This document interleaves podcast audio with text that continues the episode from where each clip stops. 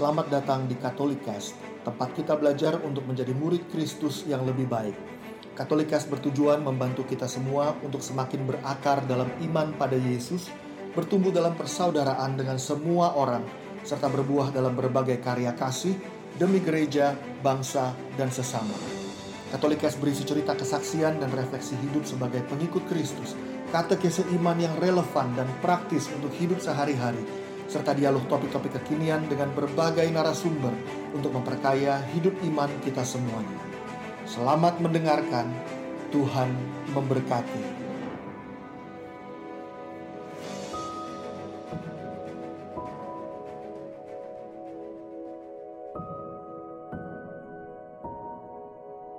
Shalom para pendengar Katolikas yang dikasihi dan mengasihi Tuhan.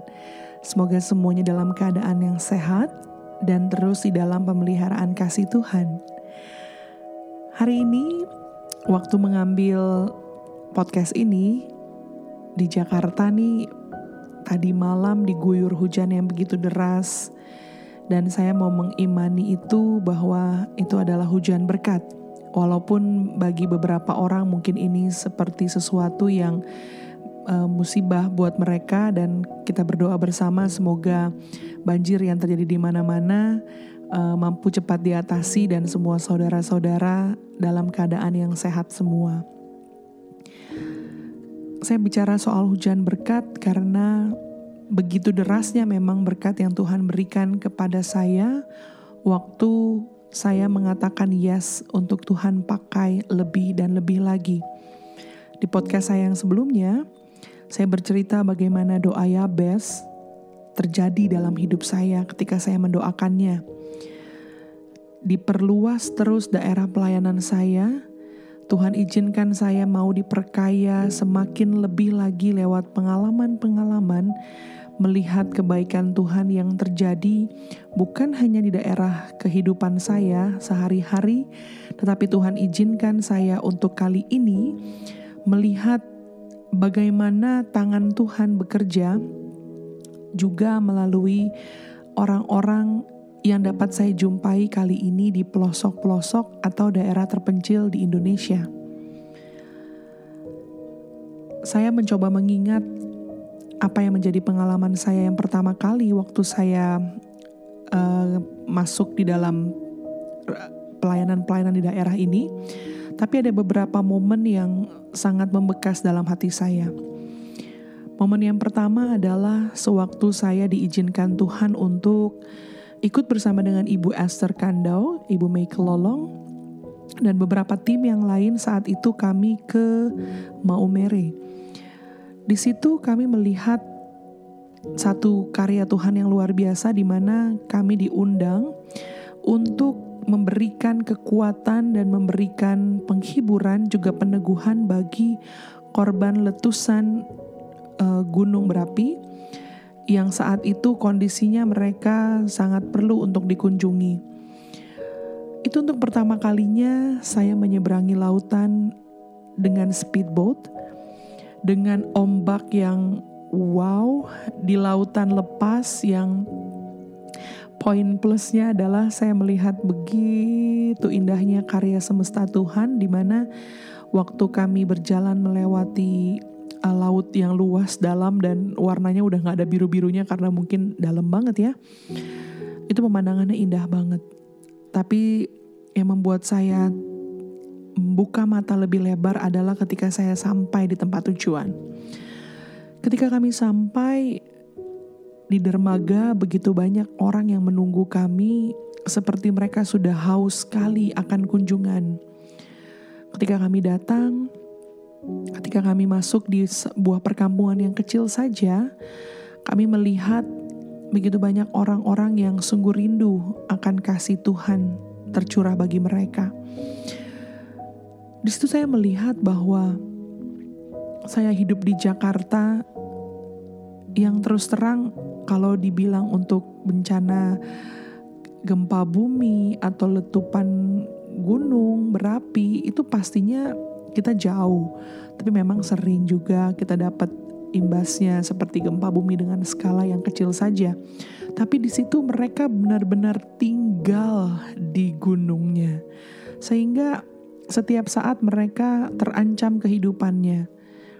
Dan ketika kami melakukan saat itu kebangunan rohani di gereja yang mereka miliki, saya begitu melihat bahwa mereka haus sekali akan cinta Tuhan. Bahwa mereka butuh sekali yang namanya dikuatkan, bahwa di mana pun kita berada, tangan Tuhan pasti akan menolong kita. Dan yang saya kagum adalah saya melihat sosok Ibu Esther Kandau yang Seharusnya dengan usia saya, dengan usia beliau, saya memanggil beliau harusnya dengan sebutan Oma. Karena yes, memang beliau sesenior itu buat saya. Tapi saya nggak pernah melihat usia senior itu terjadi waktu beliau melayani Tuhan di mission-mission tripnya. Begitu semangatnya, begitu berapi-apinya, begitu berantusiasnya, gak kenal capek, nggak pernah pilih-pilih oh saya mau naiknya speedboat yang ada aircon ya kali ya atau speedboat yang ini. No apa pun yang sudah disediakan langsung diterima dengan sukacita. Di situ saya belajar banyak bahwa waktu kita sudah dipilih dan dipanggil Tuhan bagian kita adalah hanya bilang yes dan sisanya Tuhan yang akan cukupi Tuhan yang akan atur semuanya dan itu yang saya lihat bahwa indah sekali waktu saya mengikuti perjalanan bersama dengan beliau. Dari situ saya melihat bahwa saya diminta untuk bersyukur kalau saat ini di mana pun kita berada, kalau saat ini kita masih punya atap rumah untuk bernaung, kalau saat ini kita masih punya lantai untuk kaki kita berpijak, saya harus lebih banyak bersyukur karena di perkampungan di gunung tersebut, saya melihat bahwa banyak rumah juga yang sudah runtuh saat itu dan banyak dari mereka yang setiap hari kehidupannya harus was-was dengan tempat di mana mereka tinggal.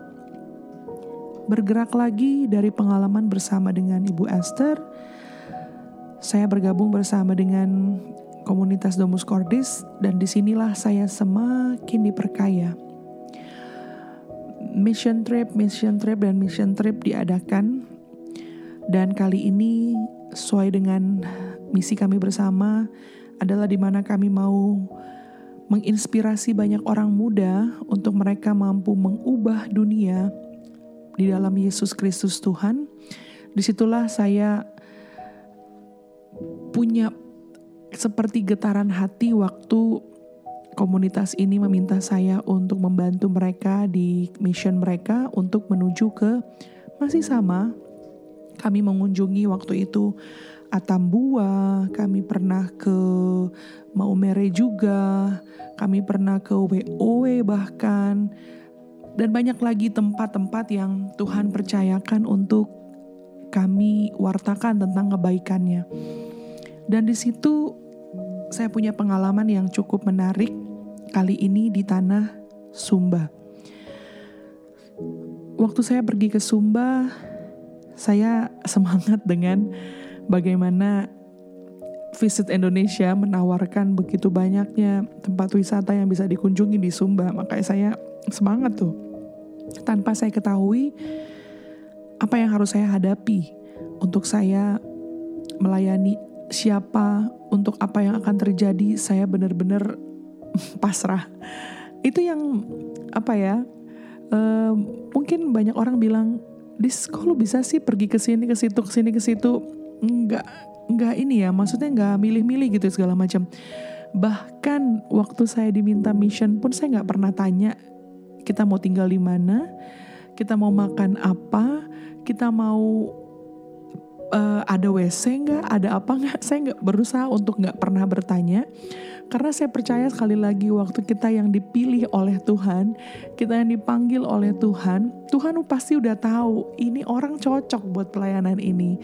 So kalau saya dipilih oleh komunitas ini untuk saya pergi, saya percaya komunitas ini juga berdoa bersama untuk menentukan siapa-siapa yang akan masuk dalam misi ini. Sehingga saya melihat waktu di Tanah Sumba, saya punya pengalaman yang luar biasa di mana saat itu saya melayani uh, eh, SD teman-teman SD yang jumlahnya kurang lebih 300 orang. Saya juga pernah melayani SMP, saya pernah melayani yang SMA kalau nggak salah ya. Pokoknya anak-anak sekolah di Tanah Sumba itu kami lakukan um, rekoleksi, kami lakukan retreat untuk mereka mengalami kasih dan cinta Tuhan. Dan di situlah saya melihat bahwa uh, saya nggak kebayang gitu loh. Saya harus um, mimpin ice breaking, mimpin fellowship bersama dengan mereka, saya kepikir kita akan terbatas dengan bahasa di mana kita biasa dengan bahasa gaul Jakarta, sedangkan mereka di sana saya nggak tahu sama sekali mereka dengan bahasa apa mereka kuasai. Dan setelah di sana pengalaman-pengalaman pertama tuh lucu, karena apa? Secara nggak langsung kita tuh ngomong suka cepet ya. Dan kita kadang-kadang mem memakai bahasa Indonesia yang uh, jadi istilahnya slang gitu di Jakarta. Kita pakai jargon-jargon yang kita nggak nyadar bahwa itu nggak kepake di daerah-daerah gitu loh. Itu hanya terjadi di Jakarta dan mungkin itu bahasa media sosial. Sedangkan orang-orang yang di daerah itu nggak semuanya mereka punya handphone. Sehingga pertama-tama kami melayani kami terkendala uh, dengan tatapan mata mereka yang kosong. Dan ketika kami bertanya tidak ada satupun yang menjawab. Dan ketika kami minta mereka untuk sharing dalam kelompok semuanya tidak mau berkata-kata kami pikir apa yang salah dengan kami? Tapi ternyata yang salah adalah bahasa kami kami pakai pengetahuan kami, kami pakai bahasa kami sehari-hari, kami pakai konsep kami, dan akhirnya membuat mereka tidak mengerti. Dan di situlah saya belajar yang namanya setiap kali yang kita rancangkan adalah plan B. Plan A-nya atau plan A-nya, rencana A-nya, selalu kita serahkan menjadi rencananya Allah kita hanya boleh merancangkan konsepnya saja, tapi on the spot kita mau percaya bahwa Roh Kudus yang akan membakar setiap kita untuk ikut bagaimana alur yang udah dia tentukan. Yes, itu yang saya alami bahwa waktu saya menyerahkan sungguh-sungguh dan kita semua anggota tim yang udah akhirnya hari pertama kita menganggap bahwa ini nggak bisa begini nih. Kita meeting, kita evaluasi, dan akhirnya membuat kita berserah diri, pasrah sama Tuhan. Tuhan, oke. Okay. Rasanya kita nggak bisa pakai kemampuan kami masing-masing. Kami nggak bisa pakai pengetahuan kami, tapi rasanya kami harus berbicara dengan satu bahasa. Bahasa cinta. Yes. Akhirnya kami mulai merubah, bagaimana kami berbicara dengan mereka dengan speed yang kami turunkan cukup jauh. Kalau biasanya kita bicarakan ya begini bla bla bla bla, kita ini bicara dengan yang akhirnya kita rubah dengan yang adik-adik kenalkah dengan Tuhan Yesus? Sampai selambat itu karena ternyata mereka ada di fase yang seperti itu. Dan ketika kita mulai dengan bahasa-bahasa yang sederhana, ketika kita mulai menyentuh hati mereka, bukan dengan slideshow yang sudah kita siapkan, tapi menyentuh mereka dengan bagaimana Tuhan memberkati kita juga, itu yang akhirnya membuat mereka ada yang bertanya, ada yang waktu kita bicara menangis, ada yang waktu kita mendoakan mereka mengangkat tangan, ada yang melakukan begitu banyak hal yang kami nggak bayangkan. Wow, itu bisa terjadi. Dan di situlah saya melihat bahwa saya harus ada di misi ini walaupun sering kali kalau pergi misi kita nggak bisa bayangkan kita tidur di hotel atau penginapan yang nyaman, tetapi yang saya lihat adalah semakin saya merasakan bagaimana tidak nyamannya untuk tidur yang saya biasanya mungkin tidurnya di kasur yang empuk, tapi di sini saya harus merasakan tidur di lantai, nggak pakai AC, banyak nyamuk panas, mungkin terik, segala sesuatu, mandi subuh harus dengan air dingin, gak ada air panas. dan segala macam sesuatu yang membuat saya harus keluar dari zona nyaman saya, itu yang saya syukuri hari ini. Kalau saya nggak pernah berpengalaman atau diberikan kesempatan oleh Tuhan untuk saya mengalami semua ketidaknyamanan itu, saya rasanya hanya mampu bersyukur dengan apa yang saya lihat di depan mata saya. Padahal di ujung sana begitu banyak orang yang tidak nyaman hidupnya. Dan itulah yang saya syukuri bahwa terima kasih Tuhan saya dilihatkan bahwa saya harus keluar dari zona nyaman saya untuk saya mampu berbagi dengan orang-orang yang butuh untuk dirangkul, butuh untuk merasakan cinta Tuhan. So buat para pendengar Katolikes yang saya kasihi dan mengasihi Tuhan, kalau teman-teman saat ini ada di zona nyaman dan ngerasa, kok hidup saya begini-begini aja ya, coba deh challenge dirinya. Kalau nanti ada yang ngajak buat pelayanan ke daerah-daerah terpencil di Indonesia aja dulu, coba ikut, teman-teman rasain deh teman-teman akan sangat berterima kasih kepada Tuhan bahwa teman-teman tuh saat ini hidupnya sudah sangat amat luar biasa diberkati Tuhan. Kalau sekarang kita masih suka komplain, Tuhan kenapa saya nggak punya ini, kenapa saya begini. Tapi dengan kita melihat banyak orang-orang yang tidak seberuntung kita, di situlah titik di mana kita mampu bersyukur Di situlah titik di mana kita mampu berkata, Tuhan, Engkau sungguh baik. Satu quote dari Mother Teresa katakan, It's not about how much you do, but how much love you put into what you do that counts. Itu yang saya terapkan ketika saya pergi untuk bermisi ke daerah-daerah yang saya nggak pernah tahu apa yang akan saya jumpai Mungkin para pendengar Katolikes uh, wondering kenapa ya saya sering banget pakai quotesnya Mother Teresa karena memang she's my idol. Saya mengidolakan sekali beliau karena kayak every single words yang dia taruh sebagai quotesnya yang saat ini kita bisa nikmati untuk search di Google juga udah dapet. Itu kayak apa ya, kayak peneguhan, kayak kekuatan dan saya bersyukur saya pernah mendengar itu semua. Dan satu hal lagi saya juga berterima kasih kepada komunitas Domus Cordis yang berkali-kali mengajak saya untuk melayani di komunitasnya Mother Teresa yang di Indonesia yaitu di WOW di Atambua. Di situ pun saya melihat bahwa wow, indah sekali karya Tuhan di WOW. Mereka butuh banget uluran tangan kita karena di sana mereka sering kali lulus tanpa benar-benar uh, mereka apa ya bilangnya mereka pantas untuk lulus gitu loh. Jadi mereka banyak sekali yang nggak bisa baca tulis, mereka bahkan nggak ngerti bahasa Indonesia, mereka hanya ngerti bahasa Tetun di sana ya.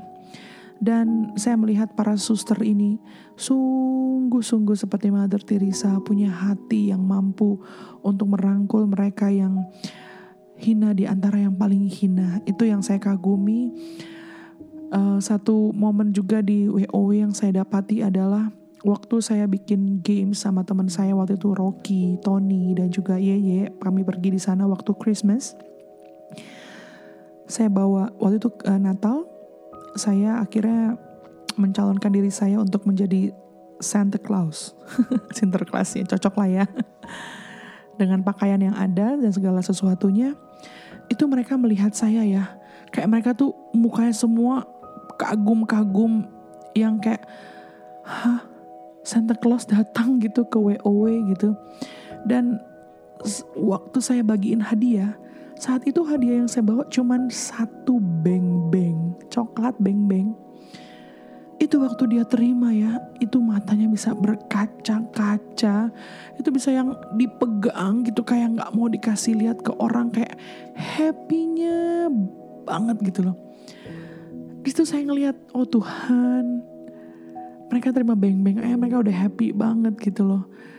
Sedangkan saya sering kali udah terima silver queen udah terima mungkin yang lebih enak lagi. Saya masih suka komplain dan bersungut-sungut. So yuk kita sama-sama belajar dari setiap ketidaknyamanan banyak orang di luar sana, dan kita mau keluar dari ketidaknyamanan diri kita untuk kita bersama-sama rasakan kasih dan cinta Tuhan. Kalau saat ini kita masih enak-enak aja hidup kita, challenge yuk diri kita buat kita melakukan sesuatu yang gak enak, tapi dampaknya sangat banyak buat orang-orang di luar sana. Dan satu pujian ini akan saya naikkan sebagai refleksi saya bahwa banyak dari sahabat-sahabat kita yang perlu akan uluran tangan kasih kita untuk menyatakan bahwa Tuhan Yesus mencintai mereka, bahwa mereka berharga di mata Tuhan.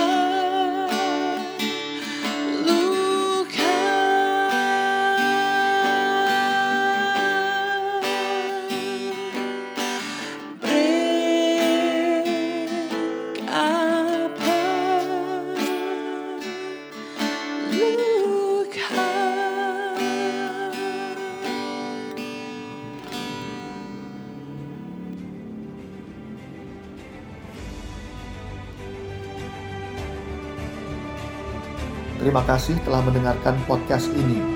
Jangan lupa untuk berbagi Katolikes kepada para sahabat dan kenalan kita, supaya semakin banyak orang mengenal kabar gembira Tuhan Yesus dan mengalami kasih-Nya yang memulihkan, menguatkan, dan memberkati. Sampai jumpa di episode Katolikes yang lain.